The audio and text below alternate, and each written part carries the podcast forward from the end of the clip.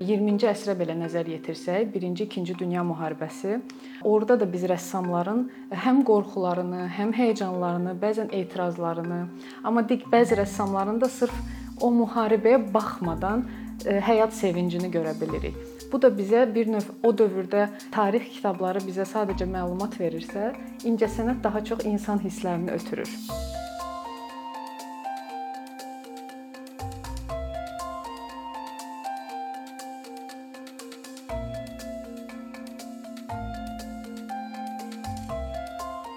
Nəyə görə incəsənətlə maraqlanmalıyıq? Birinci onu demək istəyirəm ki, incəsənət bizim mədəni kodumuz adlandırıla bilər. Çünki ta qədim dövrlərdən bəri mağara rəsmlərindən başlayaraq biz bizim əcdadlarımız, bizdən öncə yaşayan insanlar öz həyatını və ya həyat tərzlərini incəsənət yolu ilə bir növ bizə çatdırır. Məsələn, qaya rəsmlərini nəzər yetirsək, biz orada insan fiqurlarını görürük, rəqs edən insanlar görürük və yaxud ov səhnələri, heyvanlar. Bu da nə deməkdir? Həmin dövrdə yaşayan insanlar öz həyat tərzini məhz bu formada qaya rəsmlərində əks etdirirdilər və beləliklə tarixi araşdırmalarda belə bu bizə kömək eləyir ki, biz onların həyat tərzini tamamilə anlayaq, başa düşək ki, tam olaraq nə edirdilər, necə yaşayırdılar, nələrdən qorxurdular.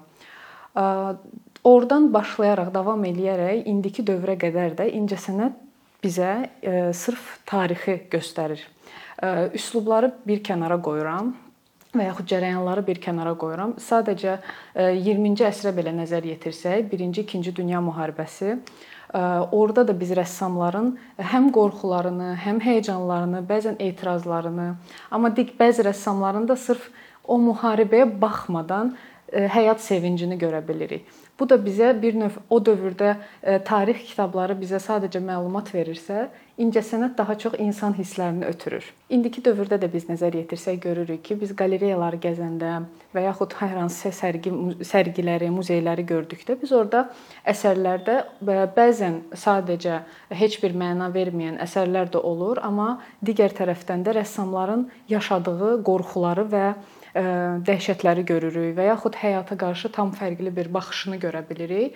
Məsəl üçün hal-hazırda bu dövrdə baş verən müharibələri düşünürəm ki, ən dolğun və hissiyatlı şəkildə bizə məhz sənət əsərləri ötürür. Burada sadəcə tablo üzərində rəsmlər deyil, həm heykəllər, həm tablolar, həm fotoqrafiya, video, performans, sənət belə deyək, incəsənətin qolları artdıqca bizə çatdırılan məlumat daha da maraqlı və daha da emosiyalarla dolu olur. İncəsənət sahəsində aldığımız biliklər bizim kreativ potensialımıza müsbət təsir eləyir. Hətta kreativliyimizi inkişaf etdirə biləcək ən əsas yönlərdən biri məhz incəsənətdir. Çünki biz incəsənətlə maraqlandıqca, incəsənət tarixini oxuduqca həm daha çox əsər görmüş oluruq. Bununla belə bizim həm zövqümüz formalaşır, zövqümüzdən də əlavə biz daha çox əsər gördükcə düşüncə tərzimiz dəyişir. Bundan əlavə ideyalar baxımından daha kreativ olmağa başlayırıq. Bu da e, sadəcə rəssamlara və yaxud incəsənət yönündə çalışan insanlara aid deyil. Çünki kreativlik bizə sadəcə incəsənətdə çalışdığımız, incəsənət sahəsində çalışdığımız zaman lazım olmur. Bu həm də bizə digər sahələrdə çalışanda da lazım olur. Məsələn, mühəndislikdə belə e, bizə kreativ həllər lazım olur və yaxud e, insanlar hər hansı bir problemi ortadan qaldırmaq üçün artıq məsələyə düz baxmamalıdırlar, fərqli yönlərdən baxmalıdırlar Üstəlik texnologiyanın inkişaf etdiyi bir dövrdə insanlar kreativlikləri ilə fərqlənməlidirlər. Bunun bu yöndə də bizə incəsənət tarixi, incəsənətlə maraqlanmaq, qalereyaları gəzmək, muzeylərə gəzmək çox kömək olur. İncəsənət həm də bizim dünya görüşümüzü formalaşdırır. Çünki incəsənətlə maraqlanaraq, xüsusilə də incəsənət tarixi ilə maraqlanaraq biz ümumi dünya tarixini, fəlsəfəni, mifologiyanı, kulturologiyanı və teologiyanı belə öyrənmiş oluruq. Bundan əlavə siyasətdən belə yaxşı başımız başımız çıxmağa başlayır. Teologiyaya gəldikdə məsələn nümunə olaraq sizə deyə bilərəm, Mikelanjelonun tanınmış Adəmin yaradılması əsərində biz Bibliyadan bir fraqment görmüş oluruq məsələn və həmin dövrlərdə bu çox istifadə olunan mövzular idi. Çünki sifarişlər əsasən kilsədən gəlirdi və bununla biz məsələn həmin dövrdə həmin regionda nə baş verdiyini daha yaxşı anlamış oluruq, həm siyasi, həm tarixi baxımdan. Bunları birlikdə toplayıb demək istəyirəm ki, bu sadaladıqlarımı biz artıq incəsənət tarixini öyrənəndən sonra, oxuyandan sonra ən azından məlumatımız olur digər sahələrdən də və istənilən insanların ətrafında, istənilən yerdə danışarkən biz həmin sadəcə incəsənət nümunələrindən yox, həm də fəlsəfədən rahatlıqla mövzu tapa bilirik. İstənilən vaxtı dünya tarixindən danışa bilirik, siyasətdən danışa bilirik. Yəni bunların hamısını birlikdə toplayanda biz başa düşürük ki, nəyə görə incəsənət tarixini və incəsənəti oxumaq və hətta məşğul olmaq bacardığımız qədər çox faydalıdır. Onu da nəzərinizə çatdırmaq istəyirəm ki, incəsənət emosiyalarımıza çox müsbət təsir eləyir və burada sadəcə baxıb incəsənət nümunəsindən zövq almaqdan danışmıram. Məsələn, biz bir çox rəssamlar var ki, öz narahatlıqlarını, yaşadıkları qorxuları əsərlərə əks etdirib, əsərlərdən bizə hiss elətdirməyə çalışır və onların məqsədi də bəzilərinin məqsədi bunu bəlkə də izləyiciyə çatdırmaq olmasa da, digərlərinin məqsədi sırf bunu izləyiciyə çatdırmaq olub. Və biz o əsərləri analiz elədikcə, onları baxdıqca, rəssamın həyatını oxuduqca empatiya hissimiz güclənir. Çünki biz artıq bir tarix tarixi şəxsiyyətin həyatını anlamış oluruq. Onun yaşadığı narahatlıqları, onun dünya görüşünü anlamış oluruq. Bu da bayaq da dediyim kimi həm dünya görüşü, həm də ki empatiya hissimizə müsbət təsir göstərir. Bundan əlavə emosiyalara qayıtmaq istəyirəm ki, ümumiyyətlə alimlər tərəfindən də sübut olunub ki, insanlar incəsənətlə maraqlandığı zaman stress səviyyəsi ciddi şəkildə aşağı düşür. Və bu sadəcə təsviri incəsənətə aid deyil. Məsələn, musiqi ilə də məşğul olan insanlarda və yaxud şeir yazmaq və yaxud hər hansı bir hekayə yazmaq və incəsənətlə məşğul olmaq təsviri incəsənətlə məşğul olmaq desək, hər biri bizə sırf emosional bax emosiyalar baxımından müsbət təsir göstərir. Bura məsələn art terapiyaları da əlavə eləmək olar. Yəni bu boşuna deyil. Art terapiya zamanı insanlar fikirlərini tamamilə fikirlərindən uzaqlaşıb, ətraf mühitdən, problemlərdən uzaqlaşıb bir müddətliyinə belə olsa, əl, əlləri ilə bir şeylər yaradaraq, düşünərək, fərqli bir şeyləri düşünərək stress səviyyəsini ciddi şəkildə aşağı salmış olurlar və hətta sübut olunub ki, il ərzində incəsənətə 100 saatdan çox zaman ayıran uşaqlar və böyüklər ümumiyyətlə özlərini daha xoşbəxt hiss eləyirlər. Burada məsələnin böyüklərə təsirindən danışırıqsa, incəsənətin böyüklərə təsirindən danışırıqsa, biz emosional baxımdan nəzərdə tuturuq. Çünki mən hal-hazırda dediyim sırf peşəkar formada təsviri incəsənət və yaxud digər incəsənət yönləri ilə maraqlananlar deyil, sırf hobbi olaraq və art terapiya olaraq incəsənətə incəsənətlə maraqlanan insanlardan gedir. Bunu biz digər yaş qruplarına da aid eləyə bilərik əslində. Çünki məsələn emosiyalar baxımından biz körpə yaşlarımızdan artıq fərqli düşünməyə başlayırıq, fərqli emosiyalar hiss edirik və bu müxtəlif yaş qruplarında fərqli formada dəyişilir. Lap körpə yaşlarından artıq uşaqlar əllərinə flomaster, karandaş və yaxud rəngli boya, pastel boyaları aldıqda biz görürük ki, onlar ilk elədikləri şey kağızın üzərinə ətraflarında gördüyü əşyaları, insanları əks etdirməyə çalışırlar. Bu da nə deməkdir?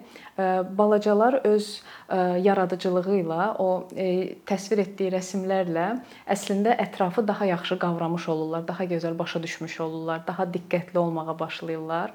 Burdan valideynlərə demək istəyirəm ki, mümkün qədər hardasa 5 yaşından başlayaraq uşaqlarınızı muzeylərə, sərgi salonlarına, qalereyalara mütləq aparın və orada çalışın ki, uşaqlar sənət əsərləri haqqında məlumat alsın.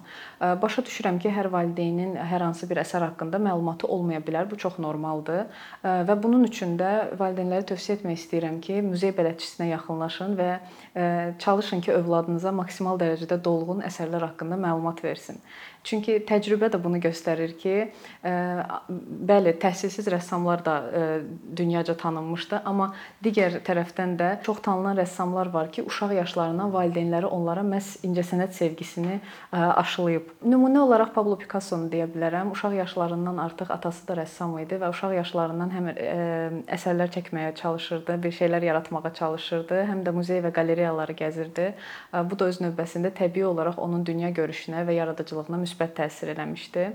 və valideynlərə sırf muzey uşaqları ilə birlikdə muzey gəzməyi sadəcə rəss gələcəkdə rəssam olacaq deyə tövsiyə etmirəm. Yəni öncədən də dediyim kimi bu istənilən sahədə övladları gələcəkdə istənilən sahədə çalışdığı zaman e, sırf kreativ potensialı və uşağın artıq uşaq yaşlarından formalaşmış kreativ potensial onların gələcək həyatına istər-istəməz müsbət təsir eləyəcək. Həm zövqlərini formalaşdıracaq, həm biliklərini artıracaq, həm də kreativ ideyalar yaratmaq üçün onlara köməkçi olacaq. Hal-hazırda ölkəmizdə düşünürəm ki, incəsənətə marağı artırmağa ehtiyac var. Çünki xüsusilə də bu regionlara aiddir. Məsələn, əgər Bakıda bizim qalereyaları gəzmək kimi, muzeyləri gəzmək kimi əlimizdə fürsət varsa, rayonlarda bu fürsət olduqca balaca azdır və insanlar insanlarda maraq yaratmaq lazımdır. Çünki əgər Bakıdakı muzeylərdə ziyarətçi sayı çox olursa, regionlarda bu heç də elə deyil.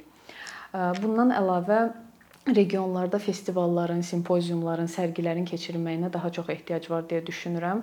Məsələn, Türkiyəni nümunə gətirə bilərəm. Hər hansı sahibkarlar və ya investorlar e, öz sahələrində və hətta öz bağlarında belə simpoziumlar keçirdirlər, rəssamları dəvət eləyirlər xarici ölkələrdən və yaxud öz ölkələrindən və bunlar əsasən e, regionlarda baş verir.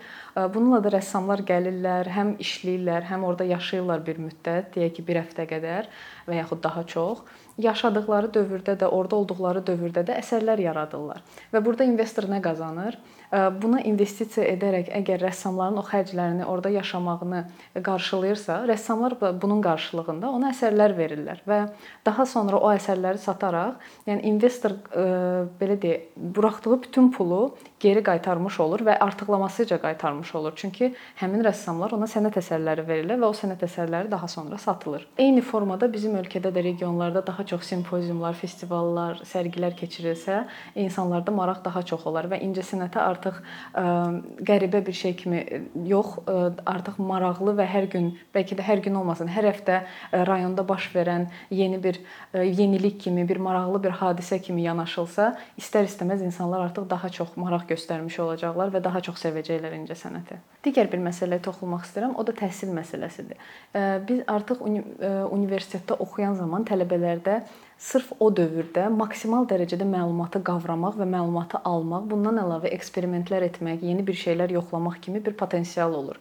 Həmin potensialdan məhz universitet yaşlarında artıq istifadə etmələri üçün onları təşviq etmək lazımdır. Burada yük düşür birbaşa müəllimlərin üzərinə və yaxud oxuduqları müəssisənin rəhbərliyinin üzərinə və amma belə deyə bilərəm, sırf bu addımları atmaqla biz əmin ola bilərik ki, növbəti nəsil daha kreativ, daha gözəl ideyalarla gələcək və biz möhtəşəm incəsənət nümayəndələri yetişdirmiş olacağıq.